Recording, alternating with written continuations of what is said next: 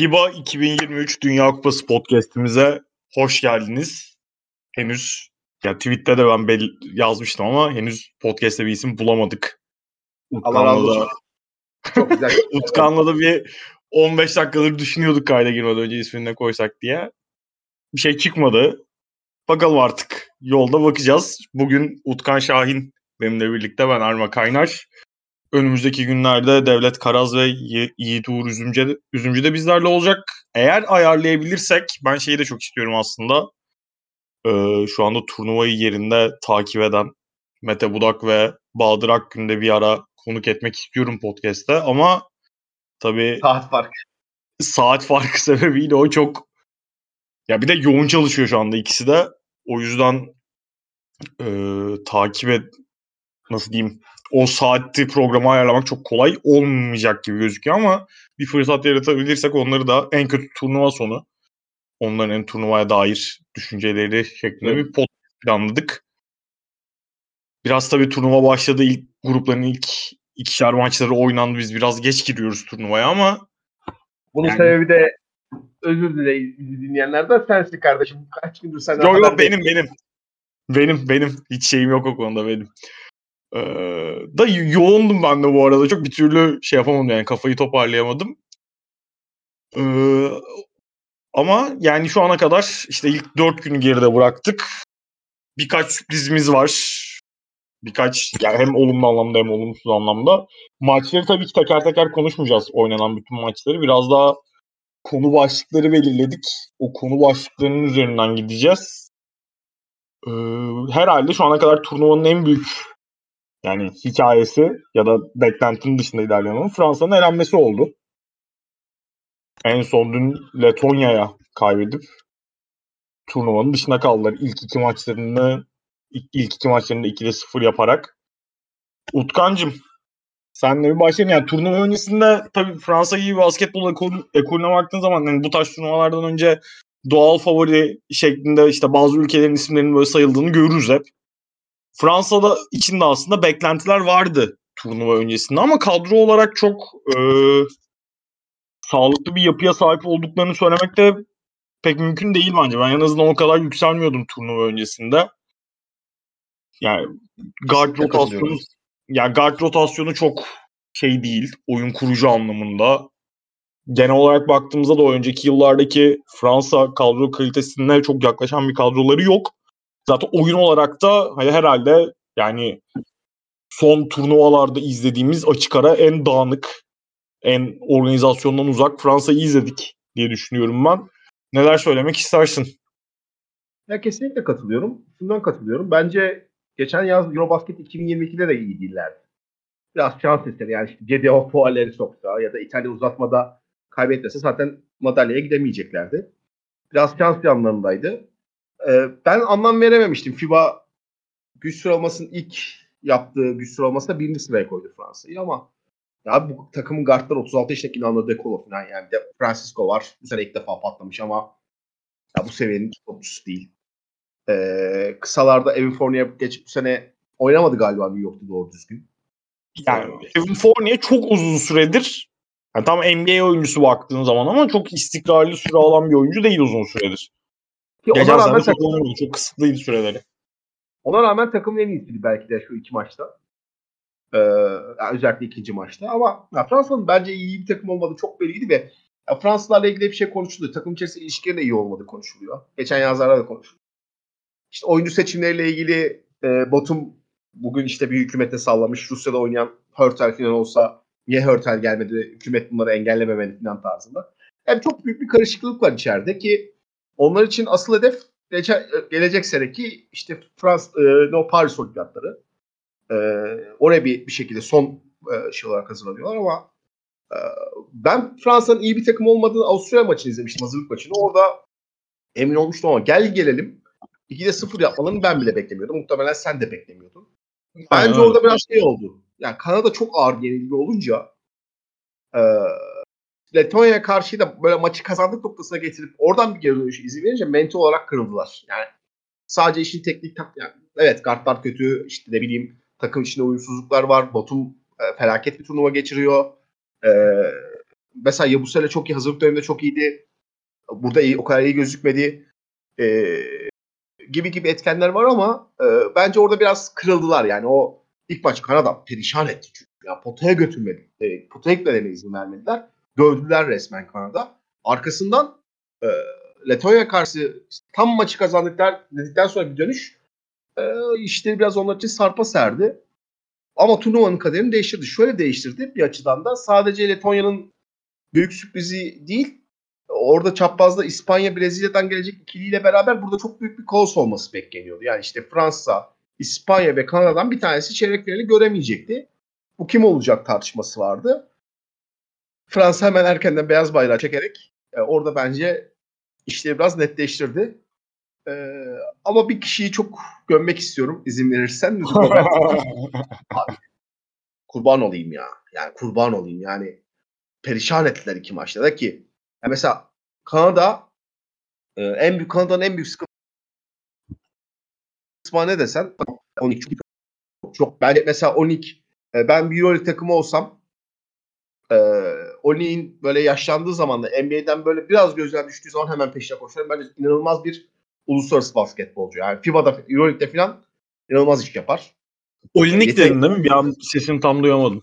Evet evet Olinik. Yani e, yani NBA'de olduğundan çok daha büyük bir yıldız olabilir Euroleague'de. Yani şey tam bence bir uluslararası basketbolcu. Ama abi yani adamların e, boy ve fiziksel olarak küçükler potu altında Kanada. Yani çıkar bir şey yaparsın yani. Kariyerin en kötü maçını oynadı. Letonya da aynı şekilde sıkıntılı. Özellikle Porzingis'in gidişinden sonra fiziksel olarak e, sıkıntılı bir takım. Abi iki maçta da takımın en kötüsün ki işte takımın liderim diye ortada dolaşan kişi sensin. Ee, ya işte bence burada şeyler şeyde başlıyor abi. Takımın yıldızından başlıyor. Takımın liderinden başlıyor işler yani. Gobert bugün Avrupalı basketbolcu arasında ilk onda olabilir ama hiçbir zaman doğru bir lider olmadı. Ve bunun etkisini bu turnuvada Fransa görüyor. Görmeye de devam edecektir. Yani tabii o Letonya maçında özellikle işte Nando De Colo atıldıktan sonra iyice sen dedin ya o geri dönüşe izin verdikten sonra psikolojik olarak kırıldılar diye. O biraz herhalde şeyle beraber oldu. Yani De Colo'nun ikinci sportmenlik dışı faulünden sonra oyundan ihraç edilmesiyle birlikte orada bir şey yakaladılar. Roland Smith'le Zagars özellikle maçın son bölümünde çok iyiydi. Ee, Letonya tarafında. Hani şey tabii şimdi yani Fransa sen de söyledin zaten takımın lideri baktığın zaman kağıt üstünde Rudy Gobert ama ya ben Rudy Gobert'in tam NBA'de çok değerli bir oyuncu olduğu dönemler vardı. Yani savunmada yaptıklarıyla özellikle hücumda hiçbir zaman böyle inanılmaz bir tehdit olmadı belki ama e, yani Gobert'in o liderlik vasıflarına sahip olmadığı zaten az biraz kariyerini takip edenler tarafından da çok iyi bilinen bir gerçek baktığımız zaman ve yani o işte guard rotasyonundaki sıkıntıyı da et, etkili, ekleyince işin içine Gobert'i kullanabilmek için çünkü çok organize bir şekilde top rolünün çok net hücumdaki rolünün özellikle çok net çizilmiş olması, pozisyon hazırlanması vesaire gerekiyor. Ya onları da çok yapamadılar. Olaya iyice hatta işte Dekol'un da atılmasından sonra Fournier'e kaldı gibi o işler biraz ve yani hiç o işlerin topçusu değil zaten Fournier. Çok kısa ve bir şey hani... ya. Çok kısa bir şey söylemek istiyorum. Çok hemen sen devam et. Ee, Gobert'in e, maçın son şeyde katılıyor musun? Mesela arkasına Simits kaldı bu pozisyonda. Post-up oynuyor. Ve para pası geri verdi abi. Ya tamam haklısın. Pozisyon hazırlanması gerekiyor. Ben buna kesinlikle katılıyorum yani. Tabii ki düzen oyuncusu ama abi arkanda Smith var. Aranızda 20 santim boy farkı var yani. Post-up oynamak için her şey açık. Onu da oynayıvereceksin abi. Yani onu da oynayacaksın. Takımın lideriysen çünkü takımın lideri arkasında 20 santim kısa bir adam varken topu tekrardan dışarıya kısaya veriyorsa ben o takımın liderinden şüphe ederim abi. Ee, ya bu çok doğal bir şeydir çünkü ya o kaçıyor bildiğin. Bence kaçmaktır bu. Basketbolda kaçmaktır. O fiziksel teması istememektir abi. Ee, ben onun takım liderinden gördüğüm an ondan sonrası gerçekten teknik teknik olarak çok önemli bir şey değilmiş gibi geliyor bana. Özür dilerim. Sözünü kesin de aklıma yok, geldi. Yok şey. Yok ya, doğru söylüyorsun. Şey değil zaten yani o biraz özellikle en azından şeyi söylemek lazım. Lider oyuncu dediğin karakterdeki oyuncu tam böyle çok fiziksel oyunu sevmeyebilir daha işte doğal yetenekleriyle bir şeyler yaratmak istiyor olabilir. Eyvallah ama yani Gobert'in şey anlamında men, hem mental anlamda hem oyun tarzı anlamında hiçbir zaman o lider oyuncudan beklediğin yırtıcılığı, mental sertliği hiçbir zaman olmadı zaten. Yani hani NBA seviyesinde daha işte ayaklarının biraz daha yani biraz daha mobil olduğu dönemlerde işte daha iç, bildiği sistemde uzun süredir içinde barındığı sistemde Utah dönemlerinde verimli olduğu dönemler oldu. Hücumda da verimli, verimli olduğu dönemler oldu ama hiçbir zaman bu tarz şeyleri bekleyebileceğin o yırtıcılığa sahip bir oyuncu olmadı Gobert. Ki yani zaten NBA'de de son 2-3 yıldır falan her ne kadar geçen sene çok fahiş bir takas paketiyle takaslanmış olsa da hiçbir zaman yani son 2-3 yıldır özellikle o kadar değer verilecek etrafına ya da güven duyabileceğin hani güvenerek etrafına takım kurabileceğin bir oyuncu olmaktan çok uzaktı. Burada da biraz onun şeyini çektiler gibi. Yani sen şeyi söyledin zaten çok işin teknik tarafına girmek e, girmeye de bir noktadan sonra gerek kalmıyor diye bu işlere bu şekilde baktıktan sonra ama e, ben şeyi sormak istiyorum. Şimdi Fransa koçu Vincent Collet ya önceki turnuvalarda da çok eleştiriliyordu. Aslında hani Fransa'nın en başarılı olduğu dönemlerde bile sürekli eleştirilen bir isimdi. Ee, onun performansı ve hani bir varsa bir geleceği hakkında mini takımda ne düşünüyorsun? Orada bir değişim görür müyüz sence? Bence 4 turnuva önce falan göndermeleri lazım. Ya zaten bir ara gitti geldi de e, ya uluslararası basketbol milli takımlarda koştuk yapmakla kulüpte koştuk yapmak arasında o zihniyet farkı var ya. Evet. Milli takımda biraz daha ne isteniyor? Herkesi bir arada tutabilmek isteniyor. Bu yani benim bildiğim kadarıyla Fransız basından okuduğumuz kadarıyla işte herkesin saygı duyduğu işte e, çok sevdiği ıvır zıvır bir koç. E, abi ama yani bence bir koçun oyuncuları tarafından çok sevilmesi e, onun işini hak ettiği anlamına gelmemeli. Bu günümüz basketbolda artık çok karıştırılmaya başlanan bir şey. Yani özellikle 2000'lerin ortasından beri işte artık yeni nesil farklı. Ona uyumlu koç olması lazım koy var. E, evet tabii ki buna katılıyorum yani. Koçlar kendilerini geliştirmeli ve iletişimlerini geliştirmeli aynı zamanda ama abi gel gelelim basketbol oynuyoruz. Ve basketbol sahada planlaman gereken, pozisyon pozisyon ölçmen gereken bir oyun. E mesela bu takımın e, en büyük sıkıntılarından bir tanesi oyun kurucu. Değil mi? Yani Dekolo gittiği an çöktü takım. Okey. E, abi e, o zaman e, işte Francisco var. ikinci guard olarak. Yani Fransa'nın oyuncu havuzu genişliği İspanya'da bile yok belki. E, başka bir şey dene. Yani başka bir kısa getir. Yani oyun içerisindeki hamlelerine girmiyorum bile. Yani çünkü sen de biliyorsun ki hangi hamleler? yani sakinleştirin beyler demek yani. Başka hiçbir görevi yok açıkçası. Yani Kanada maçında falan bile o kadar şey kaldı ki Kore'de o kadar reaksiyonsuz kaldı ki oyunun içinde böyle bir ufak tefek de olsa bir değişiklik yapayım, oyununda bir şeyleri değiştireyim falan hiç müdahale etmedi neredeyse. Ya tamam hani zaten en başında da Fransa'ya konuya girerken söyledik tam kadro olarak belki eski günlerinden uzaklar eyvallah ama ya bu kadar da nasıl diyeyim boş vermişlik gibi geliyor bir noktadan sonra. Cidden hani böyle çok dağınık bir görüntüleri vardı. Ya sen zaten ben, söyledin. Dört turnuva önce gönderilmesi lazım diye. Bence bir tık Eurobasket 2022 onlar için aldatıcı oldu abi. Ya orada şansa gelen o gümüş madalya e, ki sanki yani şey Türkiye'yi hadi uzatma kaçan faaller vesaire zaten biz nasıl geçtiklerini dinleyicilerimiz de 3 aşağı 5 yukarı hatırlıyordur ama yanlış hatırlamıyorsam bizden sonraki İtalya maçı da bayağı şey mi maçtı? Yani bizimkine benzer mi maçtı diye hatırlıyorum ben. Ah.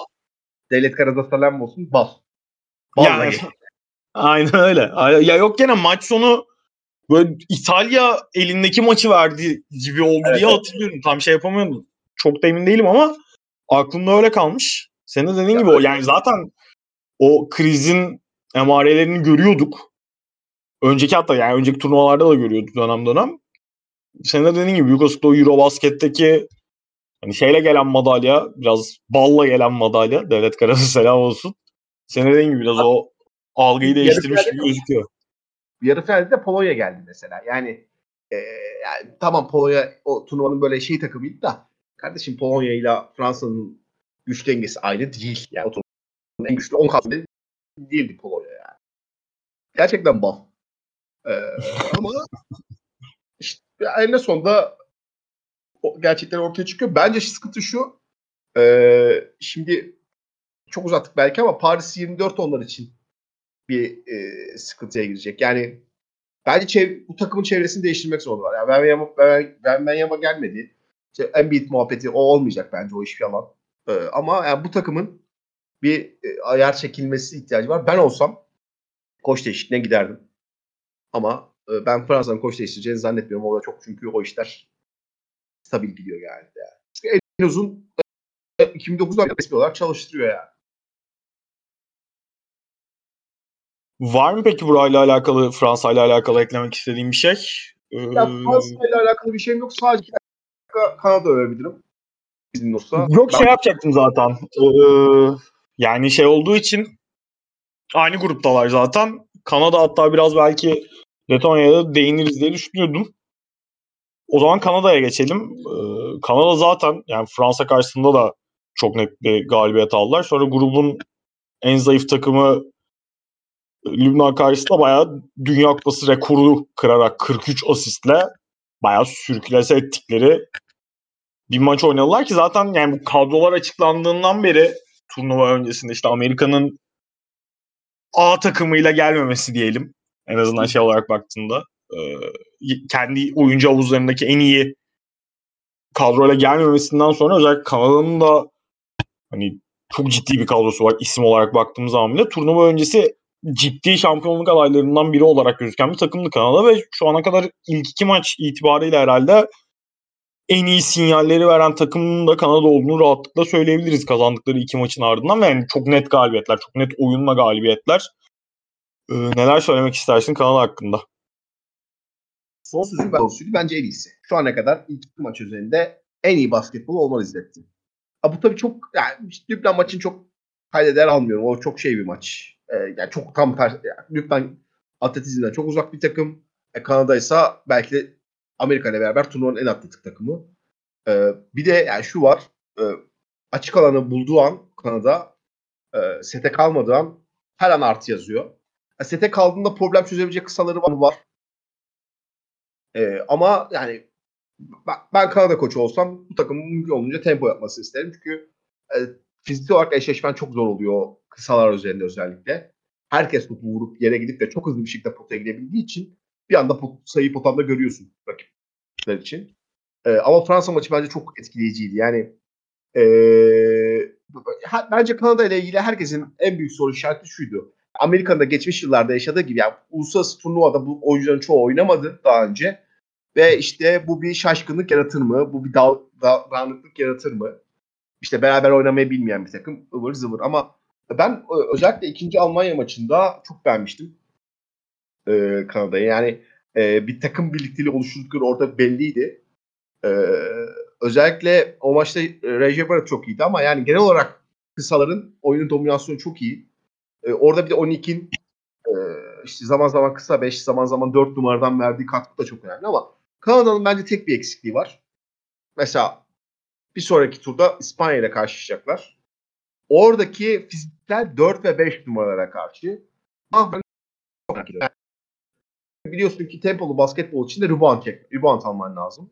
Ee, bunun ayarını nasıl tutabilecekler ama e, yani kısaların potaya penetre etmesine izin vermiyorlar abi, rakip kısaların. Dövüyorlar resmen. Atletizmleriyle beraber bir fark yaratıyorlar. Ee, ben çok merak ediyorum Kanada'nın macerasını. Ben onları bir tık arkada görüyordum. İşte Almanya, e, Fran şey İspanya, Amerika üçlüsünün bir tık arkasında görüyordum. Şu ana kadar bence altın madalyanın Amerika ile beraber en büyük aday olarak gözüktüler. Ee, mesela yarın Letonya ile oynayacaklar. Onlara uygun bir rakip gene ama işte İspanya maçı bence turnuvanın geleceği açıdan onların seviyesini göstermek adına çok önemli bir maç olacak. Yani senin söylediklerine katılmak pek mümkün değil. Orada hani özellikle uzun rotasyona baktığımızda işte Kelly Olynyk, Powell, hani işte Kyle Alexander falan bu tamam Olynyk'in işte özellikle uluslararası basketbola çok uygun ve fark yaratabileceği bir stili var. Ama hani Olynyk de ben yıllarca izledim yani. Boston Celtics'te oynadığı dönemde. Kelly Olynyk de hiçbir evet. zaman öyle temas seven, sertliğe cevap verebilen bir oyuncu hiçbir zaman olmadı. Hani iyi savunma, en iyi savunma yaptığı dönemlerde bile her zaman da oyun aklıyla, işte pozisyon zekasıyla, o açıları kapatarak, ee, hani o doğru açıda durarak vesaire pozisyon olarak rakibini daha zor pozisyona itme şeyi vardı ama şimdi bunu NBA'de yapmakla hani NBA'deki uzunlar karşısında yapmakla uluslararası bir turnuvada İspanya'nın uzunları karşısında yapmak sırf yani fundamental kapasitesi olarak bile baktığında çok daha zor bir şey. Çok daha farklı bir şey. O işin altından ne kadar kalkabilecekler onu görmek lazım dediğin gibi. Ama yani uzun rotasyonunu bir kenara bıraktığımızda yani Amerika'nın da şey ol A takımıyla yani en iyi kadrosuyla gelmediğini düşününce hani hem geriye kalan oyuncuların atletizmi hem oyun anlamında birbirlerini tamamlamaları o parçaların birbirine uyuyor olması da yani hani ben şimdi şey Amerika çok da sallıyor gibi olmayayım bir yandan. Hani şey onlar da belki en iyi kadrosuyla oyuncu yeteneği anlamında en tavan kadrosuyla gelmedi ama hani gayet uyumlu bir kadroları var bence gene baktığın zaman. En azından Avrupa basketbolunda iş yapabilecek. Amerika'nın çünkü daha önce kötü kadrolarla geldiği turnuvalarda ya da başarısız olduğu turnuvalarda birbirine bu kadar uyumlu oyunculardan, birbirini bu kadar iyi tanımlayan oyunculardan oluşan kadroları olmuyordu. Orada biraz daha farklılık var Amerika cephesine baktığım zaman. Zaten Steve Kerr de turnuva öncesinde aynısı söylemişti ama yani Kanada'nın özellikle hani bu uluslararası arenada da artık bu yakaladıkları jenerasyonla bir şeyler yapmak istediği düşünülünce ben heyecanlıyım açıkçası ve yani dedin ya sen de ben Amerika'yı bir tık önde görüyordum. Şu an aynı seviyeye geldiler diye. Ben de yani 3 aşağı 5 yukarı aynı noktadayım. Ve hani bir kalbim diyeyim en azından bir tık daha Kanada'dan yana. Hani şu çekirdeğin şu kadronun cidden başarılı olmasını şey yapmasını isterim. Tabii İspanya sınavı hiç kolay olmayacaktır ama şu ana kadar gerçekten turnuvanın en kusursuza yakın top oynayan takımın konumundalar bence baktığımızda net yani, olarak. Cemal Murray gelseydi takıma o, o çok başka olurmuş. Kritik anlarda o sakin olunması gereken anlarda biraz daha böyle biraz beyne e, oksijen gitmesi gereken anlarda çok büyük fark yaratabilirdi. E, bir de e, orada mesela Zakete diye bir kolejden bir çocuk var. Hı hı. E, 22 boyunda işte prospect e, drafttan önde seçilmesi beklenen. Ben onu iyi süre ver, verirler diye düşünüyordum. E, çünkü mesela Onyx için söylediğin çoğu şey Powell için de geçerli bence. Yani inanılmaz soğumada temas seven bir oyuncu değil Powell'da. Değil değil.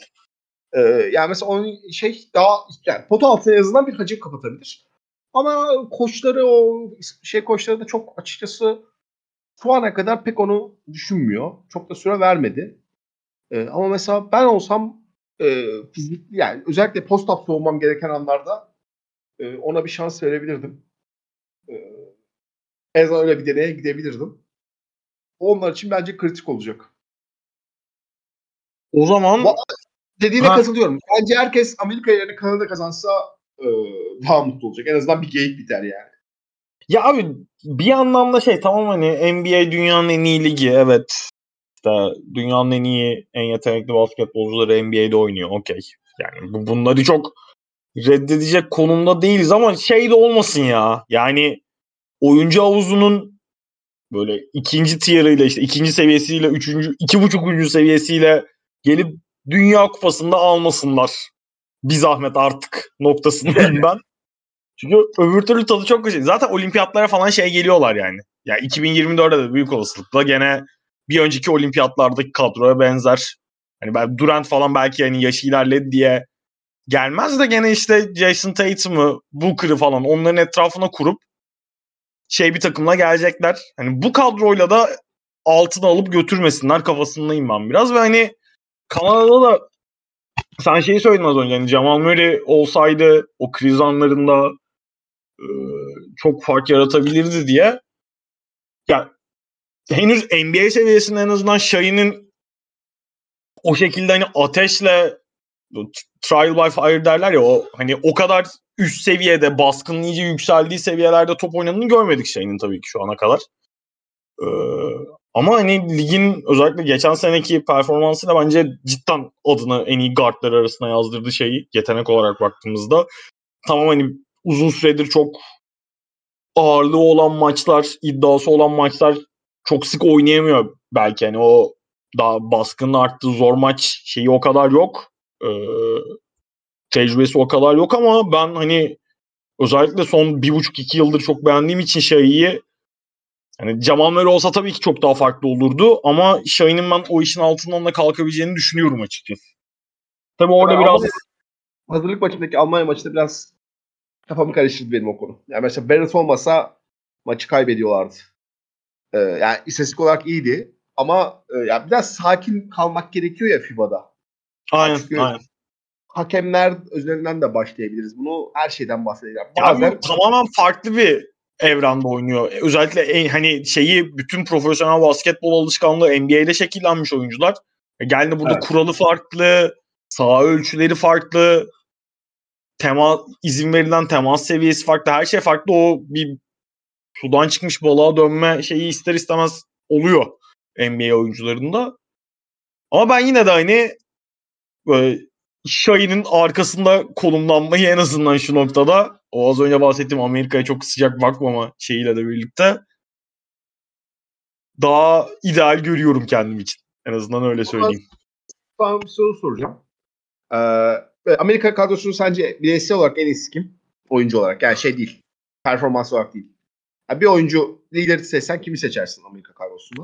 Abi yani benim orada oyuncu kartı olarak işte oyuncu karakteri olarak açıkçası şimdi tekrar kaçırdığım bir olmasın diye açtım kadroyu önüme de ben Anthony Edwards'ı söylerim herhalde ya. Yani bakınca Anthony hani oyun lideri daha böyle yönlendirme falan Halliburton'da mesela çok şey.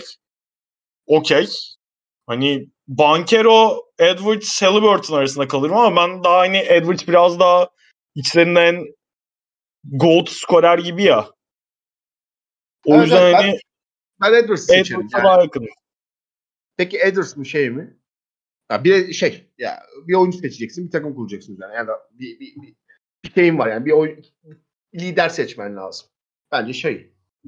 Şey şey ben, ben de aynı fikirdeyim. Ben de aynı fikirdeyim. O yüzden Ama işte yani hani Edwards'ın yanında gene ne olursa olsun nasıl diyeyim?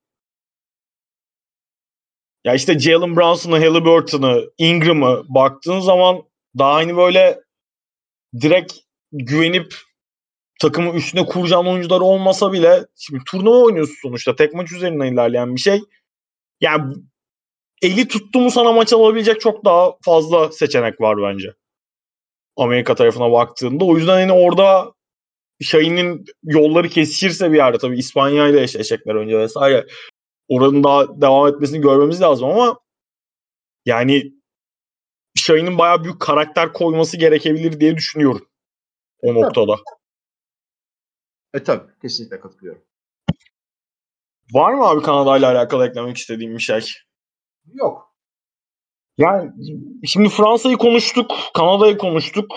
Bu grupta tabii Letonya da var ve hani özellikle Porzingis'in sakatlığı sebebiyle turnuvaya çok kısa bir süre kala oynayamayacağı açıklandıktan sonra biraz yani göz ardı edilmeye daha müsait bir noktaya gelmişti onlara baktığımızda ama özellikle Fransa maçında oynadıkları oyun hani takım halinde herkesin bir yerden katkı vermesi. İşte Zagaris'in performansından bahsettik az önce. Smith de çok iyi top oynadı. Hani Porzingis olsa bayağı ciddi iş yapabilecek. Tabii sağlıklı bir Porzingis. Öyle bir şey varsa. E, sağlıklı Porzingis olsa bayağı iş yapabilir şeylerini yani iş yapabilir hissiyatını verdi bana açıkçası. Senden hani diğer takımlara geçmeden onlarla alakalı da ufak bir yorum alayım. Şimdi Fransa'yı konuştuk, Kanada'yı konuştuk. Grupta onları öksüz bırakmayalım. Abi çok kesinlikle katılıyorum. Ee, benim e, 17 yani 5 yıl önceye geri dön 6 yıl önceye geri döneceğim. Ee, Slovenya Letonya maçı vardı galiba çeyrek final maçıydı. Ee, izlediğim en iyi 10 basketbol maçından bir tanesidir o benim. Ee, yani Doncic 18 yaşında yanında Dragic var. İşte şampiyonluğa gidecek takım. Diğer tarafta Porzingis var ve işte Letonya o, da sürekli ters eşleşme kovalayan pozisyon olarak po- çok pozisyonsuz bir takım. Ee, nerede işte Smith'ten başlayabilirsin. Smith'i 3'te oynatabiliyorsun, 4'te oynatabiliyorsun, 5'te oynatabiliyorsun. İşte e, Bertans var. Keza öyle. Porzingis olunca adam 5 numara ama 4 numara 3 numara istatistiğinde de oynayabiliyor. E, bunu çok değerlendiren bir takımdı. E, bu turnuvada Porzingis de olsa hücumda inanılmaz bir e, çeşitlilikleri olacaktı. İşte onlarla ilgili de sıkıntı şu. Bir işte Zagart'a kadar kısaları çok problemliydi. Yani kısaların ne yapacağı kafada bir soru işaretiydi. E, bir de çok soğuma seven bir takım değil Letonya. E, yani işte o, o günün sonunda bence bir takımla at at yarışına girip kendilerinden daha yetenekli olan mesela Kanada maçı onlar için bu açıdan belirleyici maçlardan bir tanesi. Yani Kanada ile at at yarışına girmek zorunda kalacaklar. E, Kanada'nın elinde daha fazla at atıcı var.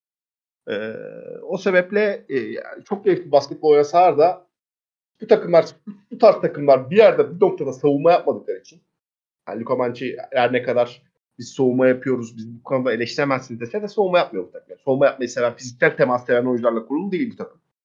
O sebeple bir yere kadar gelebilecek takımlardan. Yok yani şey zaten özellikle hani o Porzingis mevzusundan sonra ne bileyim, çok ciddi bir hani en iyi senaryoda bile bir madalya şanslarının olduğunu söylemek pek mümkün değil belki ama yani ben özellikle mesela Porzingis olsam özellikle şu son Fransa maçını izledikten sonra bayağı tadım kaçardı yani. Sakatlık sebebiyle şu kadroda olamadığım için. Çünkü hani belki gene madalya falan konuşmazdık ama or- orası için çok daha ciddi bir aday olabilirlerdi gibi geliyor bana. Oynamak istemeyeceğim bir takım olurdu. Ama e, şey yani dediğin gibi yani Dark House dedikleri işte o belki sürpriz yapacak takımlar arasına koyabilirdin. E, orada şey de var bence ama. Geçen gün Letonyalı bir arkadaşımla konuşuyordum. E, mesela ikinci maçın Fransa maçı olması onlara da büyük bir şans oldu. Ya mesela ilk maçı Fransa ile onlar oynasaydı ve kay yani Fransa Kanada gibi bir ezimetten sonra karşılarına çıkmasaydı e, muhtemelen bence maçı kaybederler. Ben orada mental kırıklığın çok önemli olduğunu düşünüyorum. Hala. E, Ha, tabii ama dediğim- dediğine Ya yok söylediğine doğru sonuçta turnuva oynamanın psikolojisi şeyi e, atmosferi çok daha fazla oluyor. O, hani tamam şimdi maç maç değerlendiriyorsun gene ama şey de olmuyor dediğin gibi bir yandan. Hani önceki gün yaşananlar bir önceki günün şeyi falan devam ediyor. O atmosferden çıkmak, o kafayı resetlemek çok kolay olmuyor. Yani zaten o şeyin özellikle az önce Fransa'yı konuşurken de konuştuk. Maçın son bölümünde o psikolojik olarak ne kadar kırıldıklarından bahsetmiştik zaten. Onları birbirinden tamamen ayırıp yorumlamak da çok ideal değil. O konuda katılıyorum ben de sana. Ee, o zaman geçiyorum Letonya'yı da. Ya çok dillendirdik böyle diğer takımları konuşurken ve hani favoriler favorilerden en büyüğüne gidelim o zaman. Amerika Birleşik Devletleri. Onlar da 2'de 2 ile başladılar. Yeni Zelanda maçının ilk yarısı özellikle pek şey gözükmüyordu Amerika için. 14-4 başladılar zaten geride başladılar ve daha sonra ikinci yarıya doğru biraz daha işte Bankero'nun özellikle savunmada biraz daha ağırlık koyup e, devreye de girmesiyle birlikte o maçı çevirip daha rahat bir noktaya getirdiler.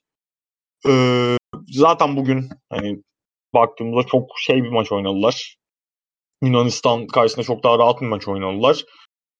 Neler düşünüyorsun Amerika hakkında? Şimdi Yiğit'e de burada podcast'a gelemedi bugün ama Austin Reeves övünü, Austin Reeves övünü diye başımızın etini yiyor sabahtan beri. Senden Austin Reeves soslu bir Amerika yorumu alayım. Vereyim abi hemen. Ya açıkçası ben e, Amerika'yı çok beğenmedim.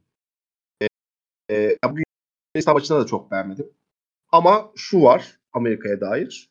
E, hiç kimsenin sahip olmadığı bir rotasyon gelişine sahipler. Ve e, Boy Portis söylemiş galiba bugün yani. Kimse oynadığı sürelerden şikayet etmiyor. Herkes çok takım içine veriyor. Bu çok belli oluyor. Ya işte ilk maç e, Banchero çok şey değiştirdi. Bugün Rivers bence maçı değiştirdi. E, muhtemelen üçüncü maçta da başka bir isim konuşacağız. Yani normalde bu tarz turnuvalarda işte e, ikinci bench girdiği zaman oyunun bir akıcılığı değişebilir. işte sıkıntı yaşayabilirsin gibi gibi problemler olabilir ya. Amerika'da bu yok. Yani baz- bazen ilk beşten daha iyi de bile katkı verebiliyor Belçika girdiği zaman ki e, bence Steve orada çok uyumlu bir iş çıkardı çok açık. Mesela bence Povic'in düştüğü bir hataya düşmedi. Povic daha önce Dünya Şampiyonası, Dünya Kupası'na gelirken hala bir öğretici yanını gösterme peşindeydi. Yani turnuvayı bıraktı işte ne o e, Celtic bir çocuğun ismi neydi? Hangisinin? White mı? Derek White mı? Hangisinden? Yok yok yok şey e, bizden e, Tybal'ın şey Tybal demişim. Fulsun Tatum Makasını diyorsun? Tatum. Ya Tatum'a falan birebir oynatacağı yeri falan öğretmeye çalışıyor. Abi turnuvada gerçekten yani. Öyleydi ama. Öyleydi Evet. öyleydi. 2019'da. Yani Kör mesela hiç o işlere girmiyor abi. Kör herkesin yapabileceği en iyi işi yansıtabileceği bir takım kurgulamaya çalışıyor. Ee, o açıdan e, mesela ilk Amerika kadrosu açıklandığında sosyal medyada falan herkes şey dedi ya bu nasıl Amerika kadrosu falan katılıyorum. Yani insanlar en azından mesela 2010 Türkiye'deki kupada da öyleydi mesela. insanlar biraz böyle burnu büküyordu ama o kadroda Kevin Durant vardı abi. Ne bileyim Russell Westbrook falan vardı. Ya süper net süperstar net NBA süperstarı vardı öyle diyeyim. Evet. Baktığımda Kadro yok. bu kadar Ama- yok evet. Ben senden ayrı olarak şunu düşünüyorum. Daha deminki muhabbete bir gönderme yapayım. Eğer bu kupada şampiyon olurlarsa ben iki ya da üç tane süper yıldız alıp ya kadronun 9 tanesini falan taşıyacaklarını düşünüyorum. Ya böyle 12 tane yeni oyuncuya gideceklerini düşünmüyorum. Eğer şampiyon olurlarsa. Şampiyon olamazlarsa e, ben şey olabilir, o e, muhabbeti yapılabilir. Ama eğer şampiyon olurlarsa bu kupada 2024 için konuşuyorum. E, böyle 3 tane işte ne bileyim e, işte Tatum ya da e, Devin Booker işte bir tane daha bir oyuncu alıp 3 tane şöyle bir oyuncu alıp geri kalan 9'da bir çekirdeği devam ettirelim mantığına girebilirler. Ben Steve Kerr'in onu daha öncelikle yani mümkün olduğunca herkesin e, farklı yetenekleri olduğu, farklı şeyler yapabildiği ve bu iyi özelliklerin bir bütün olarak e, hala olabildiği bir takım yaratmaya çalışıyor. Çok da mantıklı bence. Özellikle böyle kısa turnuvalarda. Çok da Amerikalı oyuncuların gelmek istemediği turnuvalarda. E, benim Amerika ile ilgili e, bence onlarla ilgili en büyük sıkıntı şu. Ben Amerika'nın e, zor maç oynamamasının onlar için bir sıkıntı olacağını düşünüyorum. E, şöyle ki Yunanistan, Yeni Zelanda ve Ürdün yani değil B kadrosu, D kadrosunu getirse Amerika geçer. E, yani Yunanistan'ın şu haliyle yani. yani Yanislerin gelmediği haliyle. E, sonra turda ikinci tur grubunda Litvanya ve Karadağ gelecek. E, yani Litvanya da oldukça eksik bir kadroyla geliyor ve Karadağ da öyle. Yani rakip değil bunlar. Yani onları yani %10'a %90 başlıyor bu maçların e, galibiyet şeyi. Ve muhtemelen gene Amerika'nın bir şekilde 20 ile 15 ile 25 ile yeneceği iki maç. Yani bir yerden sonra eleme turu geldiği zaman karşısına sert bir rakip gelirse Amerika'nın şimdi kim geleceğini tahmin etmek kolay değil. Ben e, çok seçebilirsin. E, çünkü biraz kısaların bu turnuva ya bu turnuvalarda kısalar daha belirleyici ya. E, ilk defa Hı hı. ele- eleme maçı oynayacak. Amerika'da öyle bir eleme maçı kültürü yok ya NCAA dışında. Ya, playoff'ta 7 maçlık bir seri üzerine oynuyorsun. Tek maçta yaptığın hatalar ya da şeyleri de telafi etme şansı olabiliyor. Yani kadroya baktığın zaman o playoff atmosferinde bile çok o tec- hani büyük maç baskısını çok yaşamış oyuncu var diyemezsin yani. Hani playoff Kesinlikle görmüş oyuncu sayısı bile kısıtlı bu kadroda. Evet. Hani birin sorumluluk alabilecek işte Austin Reeves bu sene oynadı biraz. Brunson oynadı. Onun dışındaki isimlere bakıyorum. Yani, play- yani Josh Hart var playoff tecrübesi olan. Onun dışında Evet. ama çok şey. Yani playoff tecrübesi de yok. O, senin de dediğin gibi o baskının yükseldiği anlarda ve hani ister istemez şeyden kendi oyun alışkanlıklarından çok daha farklı bir ekosistemde oynuyorlar şu anda. Hani oyun kuralları, FIBA basketbol falan bunların hepsini birleştirdiğinde ki genelde öyle baskı yükseldiği zaman baskı arttığı zaman oyuncular doğal olarak yani temel içgüdü olarak direkt kendi konfor alanlarına dönüp kendilerini en rahat hissettikleri şeyleri yapmaya çalışmaya başlarsın o baskı yükseldiği anda ve hani bu çok o açıdan baktığımız zaman baskı altında maç oynama hafızası geleneği çok yüksek olan oyunculardan kurulu bir takım değil. senin de dediğin gibi eğer hani böyle daha kolay bir yoldan gidip daha devamında ciddi bir rakiple karşılaştıklarında o bocalamayı görebiliriz ki orada bence şey çok büyük sıkıntı. Hani bu ilk maç Yeni Zelanda maçı için konuşmuştuk. Söylemiştim ben. Savunmada falan da çok iyi sinyaller vermemişlerdi diye. Özellikle tek maç üzerinden şey yaptığında hani o savunma alışkanlıkları da çok şey değilken oturmamışken ciddi sıkıntı yaşayabilme şansları var bence de. Maça hazır maçı gerçi ama ya, e, yani Edwards ikinci yarı çıldırmakla kazanıyordu o maçı. E, yani Schroeder mahvetti abi kısaları. Bir de çünkü net bir potu altı yani tamam e, Jerry Jackson var ama işte mesela Bobby Portis falan oynadığı anlarda e, potaya gitmek çok kolay oluyor e, rakip kısalar için. Özellikle delici bir kısaya gelirlerse mesela ben çok beğenmesem de Avustralya karşı Josh Gidey falan e, dağıtabilir onları. Rakip e, şey tarafından işin ucun tarafında. Ee, işte Patty Mills'la beraber. O açıdan e, mesela ben Amerika koçu yani Steve Kerr yerinde olsaydım mesela iki oyuncuyu kesinlikle e, sahada sürekli tutardım. Bir Jerry Jackson çünkü çemberi savunamıyorlar o olmadığı zaman da. İşte Manchero ilk maçta biraz yaptı da yani Yeni Zelanda'nın seviyesi belli açık konuşmak gerekirse. Bir de Halliburton yani bu takımda doğru karar vereceğine en çok güvendiğim kişi o. Ee, Anthony Edwards'ı ben çok severim mesela. Çok da beğenirim. Ama yani işte al topu kardeşim bana 10 ucumun 8'ine doğru karar verir kısa bence Liberton. Diğerleri değil. Ya katılıyorum. Katılıyorum. Tamam Yani bunların biraz daha Shane'in sürelerin artması lazım. ya mesela Kanada ile eşleş, eş, olası bir Kanada eşleşmesinde falan Shane'in deliciliği mesela çok ciddi sıkıntı çıkartabilir yani. Evet, kesinlikle. Kesinlikle öyle. Yani e, a- mesela şey de çok oynatmıyorlar. Utah'taki çocuk da çok Walker. Kessler bugün maçın son son periyodunda süre aldı işte biraz. Fena da gözükmedi aslında. Gayet iyi oynadı ama dediğim gibi onu da çok tercih etmiyor Steve Kerr şu ana kadar. Ve Portis genellikle 5 çekmeye tercih ediyor. Bu Portis yani delidir melidir ama yani mesela çember savunucusu olarak güvenemezsin bu adama. Ee, o açıdan bir sıkıntı bence e, Amerika adına. Bir de ben mesela ya hazırlık maçlara daha iyi bulmuştum. Daha e, şey bulmuştum. Biraz böyle şey e, çok çabuk paniğe girebilecek bir takımmış gibi hissettirdi bana ilk iki maç üzerinde ama işte yani bu tabii ki biraz öngörü. E, bambaşka da bir şekilde ilerleyebilir. Ya şimdi az önce şeyi konuşurken Fransa'yı konuşurken o hani psikolojik etmenlerden takımın ruh halinden falan bahsettik. Bu hani bizim aklımıza evet izlediğimiz turnuvalarda şeyden sonrası yani 2006 sonrasında e, gelen Amerika takımları bir, çok daha ciddiye aldıkları bir dönem vardı.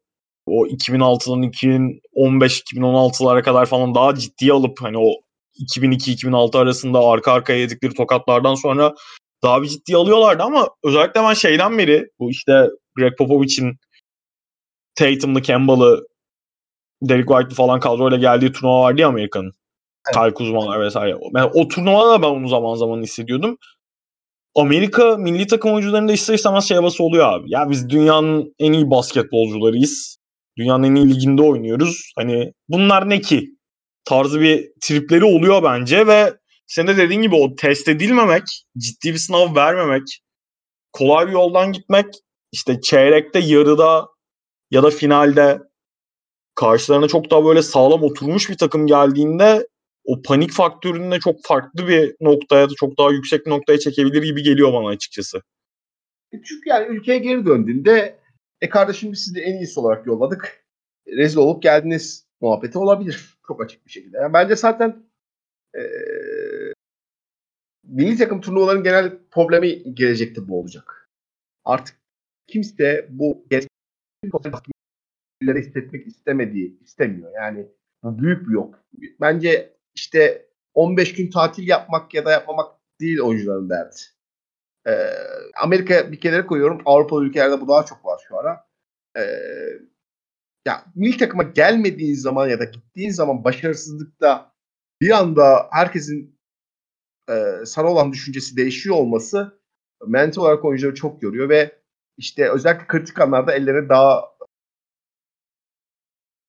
ne derler zorlaştırıyor. Daha rahat karar alamıyorlar. Ee, ya mesela çok bağımsız bir yere gideceğim. Bence de olsam ben de gelmek istemezdim. Bu milli takımı sevip sevmemek olayı değil.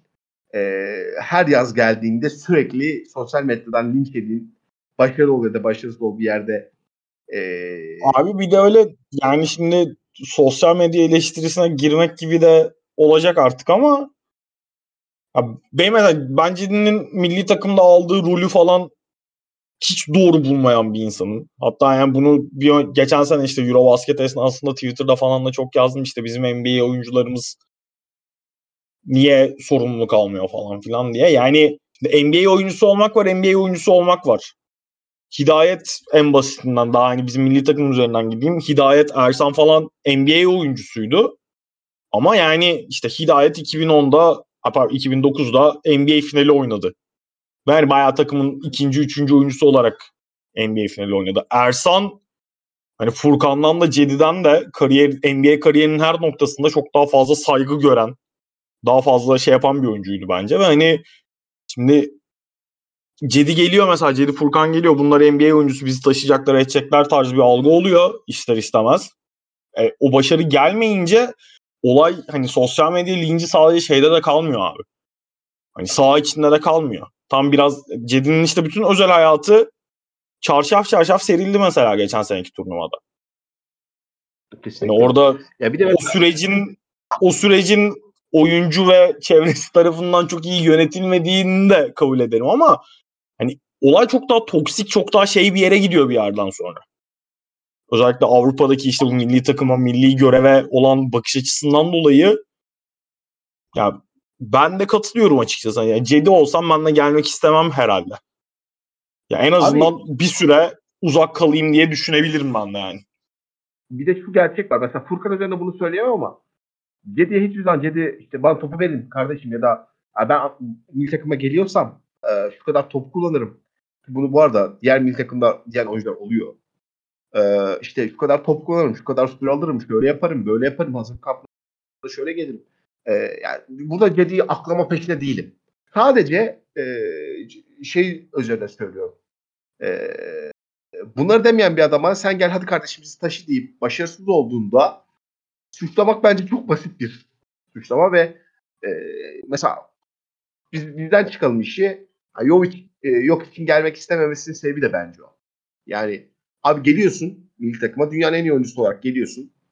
E, koç seni seni oynamaya sevdiğin tarzda oynatmıyor. Senin üzerine bir takım kurma gibi kendi yok. Takım üst üste başarısız oluyor ki eminim Sırbistan basını belki bizden de kötü. E, ve sürekli her yaz eleştiriye boğuluyorsun. E, niye gelesin ki? Niye yani? yani? Geldiğinde de kimse seni sevmiyor. E, gelmesen de kimse seni sevmiyor. E, o zaman niye e, kendini bir işte şurada sakatlanma ihtimali çok yüksek. E, bütün sezonu kaçırabilirsin. İşte sezonun yorucu girebilirsin. Sezon içerisinde formun düşebilir. Niye gelesin? E, bu bence her milli takım için biraz geçerli bir olay. E, Amerika'da da farklı bir açıdan yani bu milliyetçilik aslında üzerinden değil de başlı başlı üzerinden farklı. Ee, o zaman bu kısmı da kapatıyorum yavaş yavaş. Ekleyeceğim başka bir şey yoksa. Yok. O zaman Almanya'ya geçiyorum. Zaten az önce işte hazırlık maçlarından vesaire de bahsettik. Almanya'da ilk iki maçını kazandı. En son Avustralya ile bayağı yakın geçen Paddy Mills Deniz Schroeder'in skor düellisi şeklinde geçen bir maç oynadılar. Schroeder inanılmaz bir top oynadı orada. Madolo gene çok iyi bir performans gösterdi ve 2'de 2 ilerliyorlar. Ee, neler söylemek istersin Almanya'nın performansı ve turnuvadaki geleceğiyle alakalı? Ee, ya Almanya benim aslında turnuva başında en büyük beklentimin olduğu takımlardan bir tanesi. Peki e, bence Almanya en kusursuz takımlardan bir tanesi. Ya takımın şu eksiği var diyemiyorsun kolay kolay. O açıdan e, Almanya'nın iyi bir turnuva geçirmesi bekliyordum ama aslında onlar için biraz turnuva karışık başladı. E, Franz Wagner takımın önemli oyuncusu sakatlandı.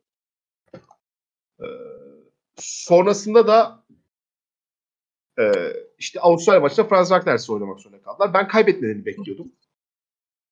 Ee, ama öyle bir şey oldu. Tam tersine iyi bir basketbol oynadılar. Özellikle e, Schroeder orada işte e,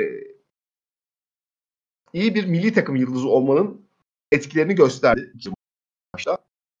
Almanya'nın potaya ama Avustralya'nın potaya soğuma konusundaki zaaflarını gösterdi. Ee, ve başa baş ve keyifli giden bir maçta bence Avustralya koçunun da yardımlarıyla Almanya kazandı ve 2'de 2 yaptı. Ben Almanya'nın turnuvanın işte Almanya, şey Amerika, Kanada ve Almanya üçlüsü üzerinden yorumlanacağını düşünüyorum. Eğer İspanya gene bir sürpriz yapmazsa. Ee, Avustralya maçı işte yani Wagner'in durumu çok önemli. Ben Franz Wagner'in inanılmaz iyi bir milli takım yıldızı olduğunu düşünüyorum. Ee, yani NBA'de ne yapacağını daha göreceğiz ama milli takım için inanılmaz uyumlu bir oyuncu. İşte Markeren gibi. Ee, eğer Wagner çok büyük bir sıkıntı yaşayabilecekse ki gelen e, haberler o şekilde. E, Almanya çok tehlikeli bir takım. E, ben bir madalya bekliyorum 2002'den sonra ilk kez. Diğer taraftan Avustralya'da kısaca istersem diye. Avustralya ben fazla övüldüğünü düşünüyorum. Çok fazla NBA oyuncusu geldiği için. Orada bir ya abi kimse kusura bakmasın ama e, Nick Kay'den pivot yaratma çabası var. Yani çağır abi. Randall sakatlandıysa yerine başka bir pivot çağır. Yani bunların elinde e, hazesi çok geniş bir ülkelerden bir tanesi Avustralya. Çağırmamayı tercih etti. Bence bu sıkıntısını de sonunda yaşayacaklar. E, Josh inanılmaz iyi uyum gösterdi ama mesela Patty Mills'la iki defa topu ona emanet etmesi gereken emanet etmeyip kendi oynadı ve Amerika maçı, Almanya maçının sonunu öyle verdiler. Ee, bence orada bir şey kararsızlığı var. Abi son topu e, Kimin takımı burası? Evet. Ya koç e, Josh Giddey'in takımı diyor ama e, son iki topu ya, tamam hadi Josh Giddey son topta e, kolu kanadı için oynayamadı ama e, ondan önceki topu mesela bence vermeleri lazım ki şöyle söyleyelim. Ondan önceki iki topu da Giddey potaya giderek çok rahat değerlendirdi. Yani hiçbir şekilde Almanya onu savunamıyordu. Ee, o sebeple orada bir o, o problem, o şeyi bir şekilde oluşmadığı sürece e, bence Avustralya'nın sıkıntıları daha fazla. E, orada Litvanya beni hayal kırıklığına uğrattı. Litvanya'nın sürpriz yapmasını bekliyordum ama tam tersine Japonya'ya kaybederek kötü sürpriz yaptılar. E, bu şekilde. Yani o ben anlattım o maçı. Ben şeyde hani iyi başlamıştı Japonya şeydi. Bayağı hatta şeyle yani top, abuksuz bir topa baskı yaptılar. Bayağı Ufuk Sarıca takımı gibi bütün maçı neredeyse tam sağ presle oynadılar. Sürekli topa baskı topa baskı. İlk çeyrekte dağıldılar biraz Finlandiya. Sonra döndü fark 18'lere falan çıktı. Ben hani şey diye düşünüyordum. Bitti artık mı maç diye düşünüyordum. Ama yani Kavamura abi. Senden daha kısa tek basketbolcu. Abi gerçekten benden daha kısa. 1.72. Kavamura 1.72. Baktım o, özellikle. O, o FIBA'nın şeyi 1.68 Japonya kayıtlarına göre. Öyle mi? Evet. Ben şeye baktım. Togiş neydi? Togashi. Aynen. O ilk 5 çıkan guardları vardı bir tane. Kavamura kenardan yani. geldi. Togashi. Japonya, o da 1.67 mi neydi? Japonya ha? o değil. Şey, yeri. NCAA'de oynayan Ay, aynen. NCAA'de oynayan çocuktan bahsediyorsun. Yok NCAA'de oynayan uzunları abi. Neydi adam? Aa bak dün anlattım daha herifi. Bugün unuttum adamı. Oğlum NCAA'de böyle bir şey. Yok. Takımın boy ortalaması 1.92. Yok yok var bir tane. Bir tane uzunları var abi. Dur şimdi şey yapacağım. Devşirme olan çocuktan mı bahsediyorsun? Ha? Devşirme olan çocuktan mı bahsediyorsun? Aynen aynen aynen. O NCAA'de oynamıyor canım. Japonya'da oynuyor da şey e, NCAA'de oynayan dur. Ha okey dur lan. E, e, ben şeyden Tomin, Tominika'dan bahsediyorum. Casey Tominika. Okey o Tominika o da bayağı zaten geri dönüşü o başlattı ya. Bayağı abuk subuk şutlar soktu 3. çeyreğin sonunda. Dörtte de soktu bu arada. Şey yapmadı yani. Gecenin ya bayağı bir şey anlatacağım. Bayağı keyifli sana. maç oldu ama hani şey Finlandiya'nın şey hiç cevap veremediğini gördük. Yani biraz orada da hani Salin de dışında oyun kuracak, şey yapacak, topun kıymetini bilecek çok bir oyuncuları olmadığı için çok dağıldılar. Çok Öyle böyle yani gereksiz top kayıpları geldi. O kadar da iyi özellikle 3. çeyrekten itibaren işte çok üst düzey şut soktu Japonya. Geriye dönemediler bir türlü ondan sonra. Bir gün gecenin dördü bu Dünya Kupası rehberini hazırlıyorum. Gece saat 4 Aha. Japonya ile ilgili bilgi kovalıyorum. Bir tane Japonya'nın sitesi var, spor sitesi. Orada gezerken şey gördüm. Tominiga Stephen Curry'den daha iyi olabilir mi diye böyle anket açmışlar. Ve anket %60 evet, yani Japonca evet. Ee, şey olmuş. Dedim Allah'ım ben ne yapıyorum? Yatıyor dedim.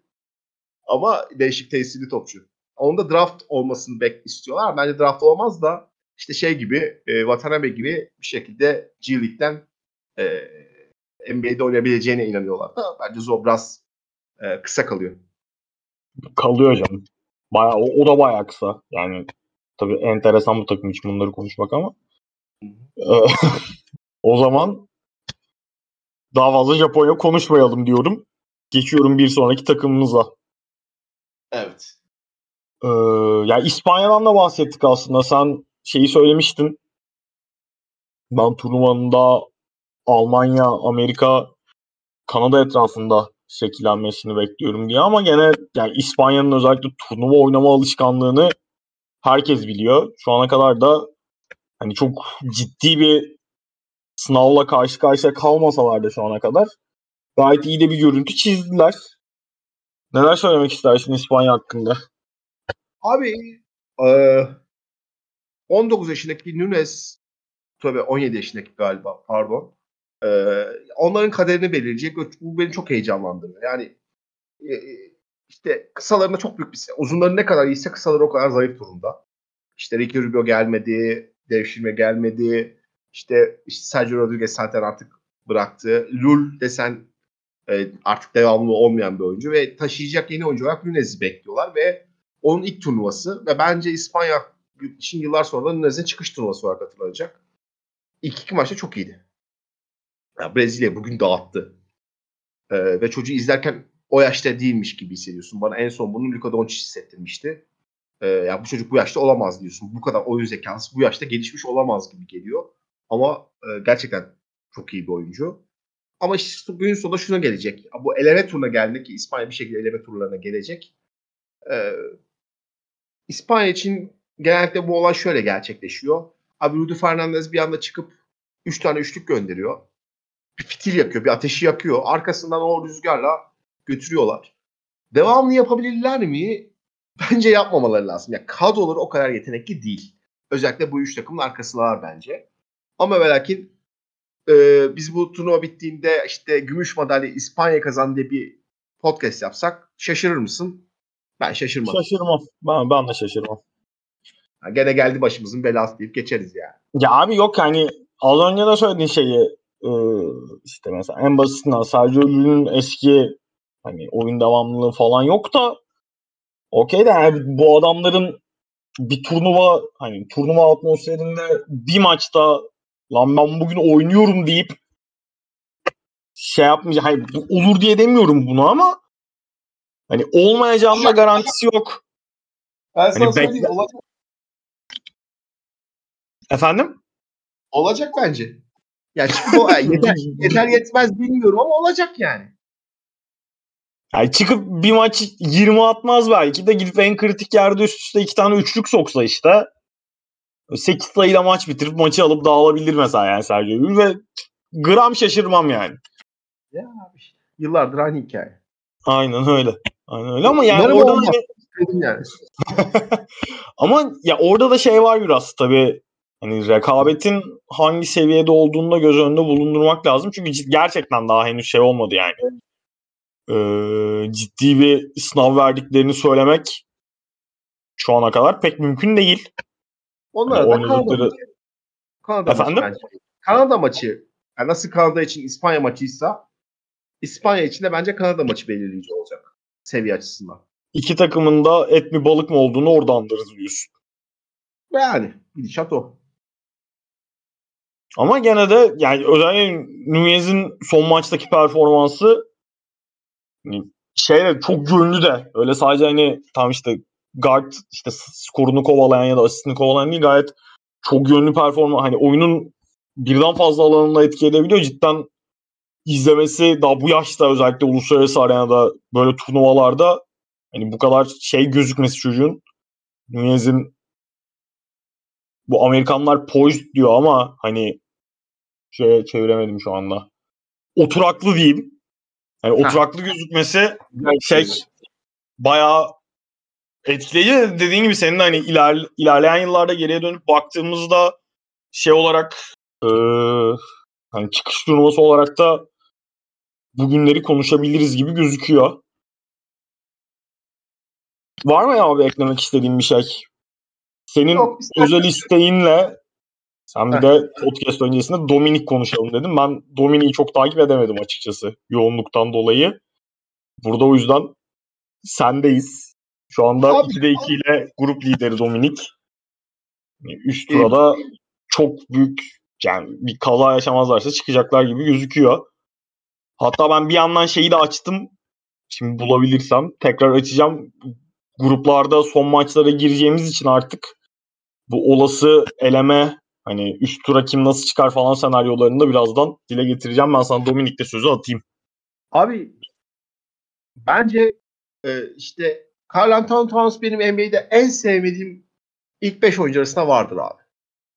E, ben hiçbir zaman Towns'un yetenekleri ölçüsünde bir oyuncu olmadığını düşünüyorum. E ben onları biraz şeye benzetiyorum. Evet her şeyi yapabiliyor. Yani söylenen işte e, potaya savunabilir. işte ne bileyim atıyorum e, şut atabilir. To, e, İnanılmaz şutör vesaire. her, onların hepsini ya, evet yapabiliyor ama sadece yani biliyorla yapmak arasındaki fark var ya yapabiliyor ile yap arasındaki farkı hiçbir zaman kariyerinde gösteremedi. Bu arada abi çok pardon şeyi söyleyeyim. Dominik e, Angola'ya 10 veya daha büyük bir farkla kaybederse ve İtalya Filipinleri yenerse eleniyor sadece. Onun dışındaki bütün senaryolarda gruptan çıkıyor. Ya ben öyle bir şeyin çok zor bir ihtimal olduğunu düşünüyorum da tabii basketbol belli olmaz. Ee, Anthony Towns benim en sevmediğim oyunculardan bir tanesi ama milli takımdaki Towns'u çok seviyorum. Daha pozitif, daha e, işte, işte liderlik yapmaya çalışıyor. Onun için de zor bir turnuva çünkü işte FIBA turnuvası oynuyor. Ama mesela işte atıyorum Amerikalı bir yüzüne göre daha rahat çünkü zaten backboard altına girmeyi sevmediği için dışarıdan alıp bir oyun kurucu gibi şut atıp ya da pas veriyor.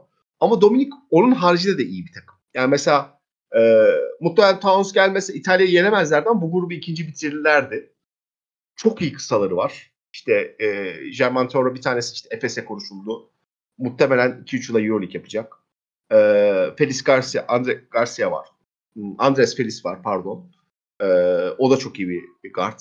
E, daha işte G çocuk e, derken aslında kısaları mesela İtalya maçını aldı. Carl Anthony Towns almadı. O kadar iyi oynadılar ki oyunu domine ettiler. E, tabii ki bazı tecrübesizlikleri var. İşte maçın sonunda İtalya'nın dönmesine izin verdiler ıvır zıvır ama oyunu oynama ve e, o işte Carl Towns'la takım kurma konusunda çok başarılılar. Mesela Markenen gibi bir takım taşıma stili yok Dominik'te. E, asist sayılarına da bakabilirsin. 24-25 asist yaptılar mesela İtalya karşısında. Topu çok iyi paylaşıyorlar. İşte bu üçlü toplam 18 asist yaptı mesela. Yani Towns, e, Ya iki maçta ve- 40 asist yapmışlar toplam. 20 asist Evet. ortalamayla oynuyorlar şu anda. topu çok hızlı çeviriyorlar. En büyük sıkıntılar ama onlar için mesela bence başlarına bel olacak şey şu. Ee, çok top, top kaybı teşhir bir takım. Yani hemen top kaybı yapabilirler. Mesela Kanada'ya hazırlık maçında da pardon İspanya hazırlık maçında da o şekilde kaybettiler. Üçüncü periyot arka arka 6 tane top kaybettiler. Ee, o maçı değiştirmişti. Benzeri bir durumu burada da görebiliriz ama ben Dominik'in çeyrek final yapacağını bir sürpriz olmazsa çeyrek finallere karşısına çıkacak takımın kim olacağını çok önemli olduğunu düşünüyorum. Turnuvaya bir iz bırakacağını. İşte böyle altıncılık, beşincilik o tarz bir yerlerde ama yıllar sonra abi 2022-2023'te de işte Dominik vardı. Turnuvanın sürpriziydi. Ee, diyeceğimizi düşünüyorum. İlk günden beri. Bizim şey gibi mi abi? 2006 mıydı? Japonya'daki Dünya Evet. Kupası'nda 6. O tarz bir hikaye bekliyorum diyorsun. o tarz bir hikaye bekliyorum ee, onlardan. Ee,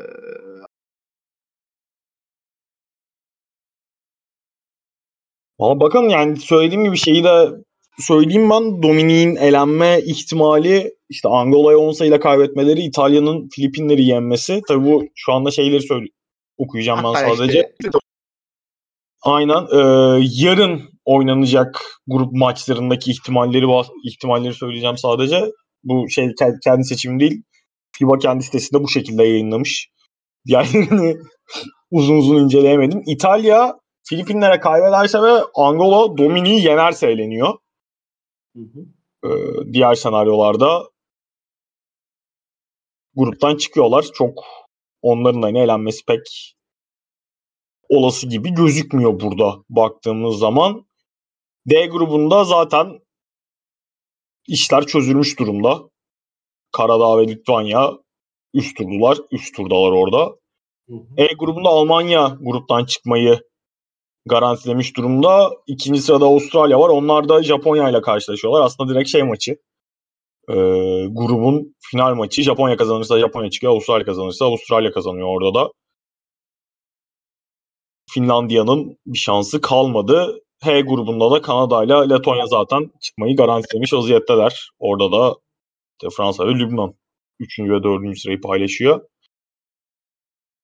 Gruptan çıkma Ya- senaryoları, üst tur senaryoları da bu şekilde. Bir şey diyordun galiba.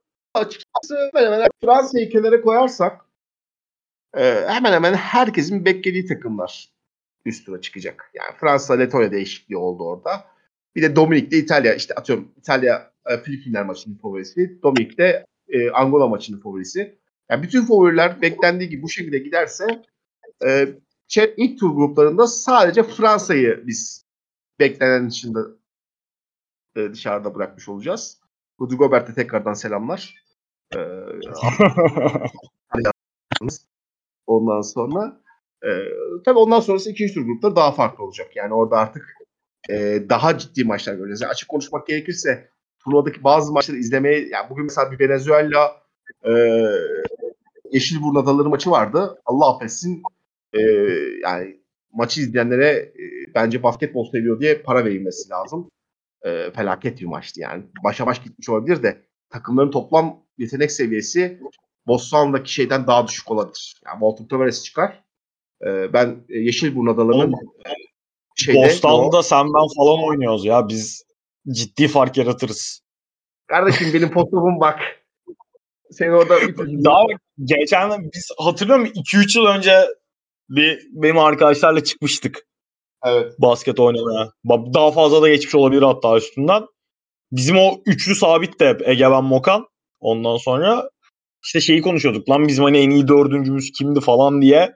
Benim aklıma gelmedi çocuklar söyledi. Abi senin bir arkadaşın gelmişti. Utku muydu neydi adı? Acayip iyi topçuydu. Çok iyi anlaşmıştık. Adam basketbolu biliyordu diye bir kulaklarını çınlattık yani daha taze. Ha? Çok pasör takımdık. ha. Çok pasör takımdık. Yani bugün ben gelip to- topu iyi paylaşıyorduk. Keyifliydi. Ee, ama diyorum ben sana Yeşilburnu Adaları'nı yeneriz yani. Zaten adamların kapalı spor salonu yok. Ee, açık sahada basketbol oynadılar. yani hiç farkları yok biz. Aynı şekilde hazırlanıyoruz yani. Ya, O sebeple artık Doğru, turnuva doğru. aslına bakarsan e, bu üçüncü tur, ikinci tur gruplarıyla beraber başlayacak. En azından atıyorum bir İspanya-Kanada maçı göreceğiz. Karşı tarafta işte bir Slovenya-Almanya, Slovenya-Avustralya maçları göreceğiz. Ee, orada turnuva biraz başlayacak. Ee, başlasın zaten. Yani gerçek bir rekabeti görmeye başlayalım bence. Ee, şöyle bizim planlamamız yani podcast'in ilk bölümünü biraz geç yaptık. Dinleyicilerimiz de fark eder muhakkak. Ee, ama grup maçları biter bitmez bir bölüm daha çekeceğiz. Ondan sonra da hani en kötü eleme maçları başladıktan sonra eleme turu öncesi kayda girmeyi planlıyoruz. Dediğim gibi Meta ile Bahadır'ı da yani turnuva sonrasında bir şekilde ayarlayıp ya turnuva esnasında hani böyle bir beşer onar dakika böyle ufak ufak kapsül gibi bile yakalayabilsek ikisini de almayı istiyorum açıkçası. Ee, 29 Ağustos'taki maç programını şey yapayım ben bir yandan da. Ee, yarın oynanacak maçlar. Almanya-Finlandiya maçıyla açıyoruz günü 10.30'da. Angola Dominik Cumhuriyeti var 11'de. Mısır Meksika 11.45. Lübnan Fransa 12.45. Avustralya Japonya maçı var. Ee, 2'yi 10 geçe ki herhalde yarının en şey maçı. Ee, yani belirleyici anlam taşıyan maçı diyebiliriz. Filipinler İtalya var saat 3'te. Karadağ Litvanya 3.30. Kanada Letonya 4.30'da karşı karşıya gelecekler. Bu son iki maç Var mı? Şey, son iki Ha? maç bittiğinde şey maçı. Son iki maç yani Kanada Litvanya ile Kanada Letonya'yı da gruptan birinci çıkan öbür gruba galibiyetlerini taşıdığı için avantaj yani kim daha avantajlı çıkacak onun belirlisi olacak. Ama onların da favorileri belli açıkçası. Sen dediğin haklısın bence de e, kısır bir gün. Ya yok mesela çarşamba günü de öyle çok yani üçüncü maçlar arasında böyle çok görünce insanın ya şunu izleyeyim diyeceği maç kısıtlı gene. Ya bir Yunanistan Yeni Zelanda maçı var. Yani onun dışında çok böyle insan ağzını Güney? Sudan'ı ka- Güney Sudan'ı kaçırmayın. Güney Sudan Güney. Sudan Sırbistan'ı izleyin sabah 11'de. tavsiye ederim. Ya 11.40'da Amerika Ürdün maçı var. Bence onu izleyin. Abi, ooo. Oo, Kobe, Kobe, Kobe Amerika bir takımına karşı kardeşim. Aynen, aynen. Yok ben anlatıyorum diye ya yoksa şey benim derdim şey. Kobe'sinin. Amerika'sında değilim ben. Aa, abi ağzına sağlık. Valla benim podcast kariyerimin başlangıcı senleydi yaklaşık ne kadar 7-8 yıl önce hatırlıyor musun? Şey Evet. demiyorum. Boş kesti demiyorum. Ben sen kaydettiğimiz. Ondan önce biz bir yaz döneminde senle takımlara preview çekmiştik. Aa evet hatırlıyorum. Google Hangouts'tan. Nereden nereye? Yıllar yıllar önce. Vallahi özlemişim. Ay, Bu ilişki de senin bana yaptığın bir blogla başlamıştı. Biz 10 yaşındayken. İyi hala seninle arkadaşım kardeşim. işte Kavamura'yla aynı ecdattan geliyoruz ya. Boy, bu boy değil abi. Ben de o, ben de o ilişkinin Rudy Gobert'iydim kardeşim. Sana göre. Vallahi abi özlemişim. Senle, yani Ben- normal hayatta da özledim. Bayağıdır görüşemiyoruz da seninle basketbol konuşmayı da özlemişim. Ağzına sağlık. Çok teşekkürler. Turnuva boyunca yine e, bu arada podcast'te şöyle bir isim tavsiyesi geldi. Ben be- beğendim. Ne yalan söyleyeyim. Trilla in Manila diye. Zaten Filipinler'de oynuyor ya maç. Mantıklı. Bu şey, Muhammed Ali Fraser dövüşünün adıydı yanlış hatırlamıyorsam. Trilla, Thriller in Manila. Bakayım. Evet. Aynen. Ona da bir gönderme olur. Ben beğendim valla. Ben büyük olasılıkla podcast'ı Trilay Manila diye yükleyeceğim. Buradan da Yasi Yıldırım'a teşekkür edeyim tavsiyesi için. O zaman Trilay Manila'nın gelecek bölümlerinde görüşmek üzere diyeyim. Tekrar ağzına sağlık abi. Bizi dinlediğiniz için teşekkürler. Grup maçları tamamlandıktan sonra tekrar görüşmek dileğiyle. Hoşçakalın. Hoşçakalın.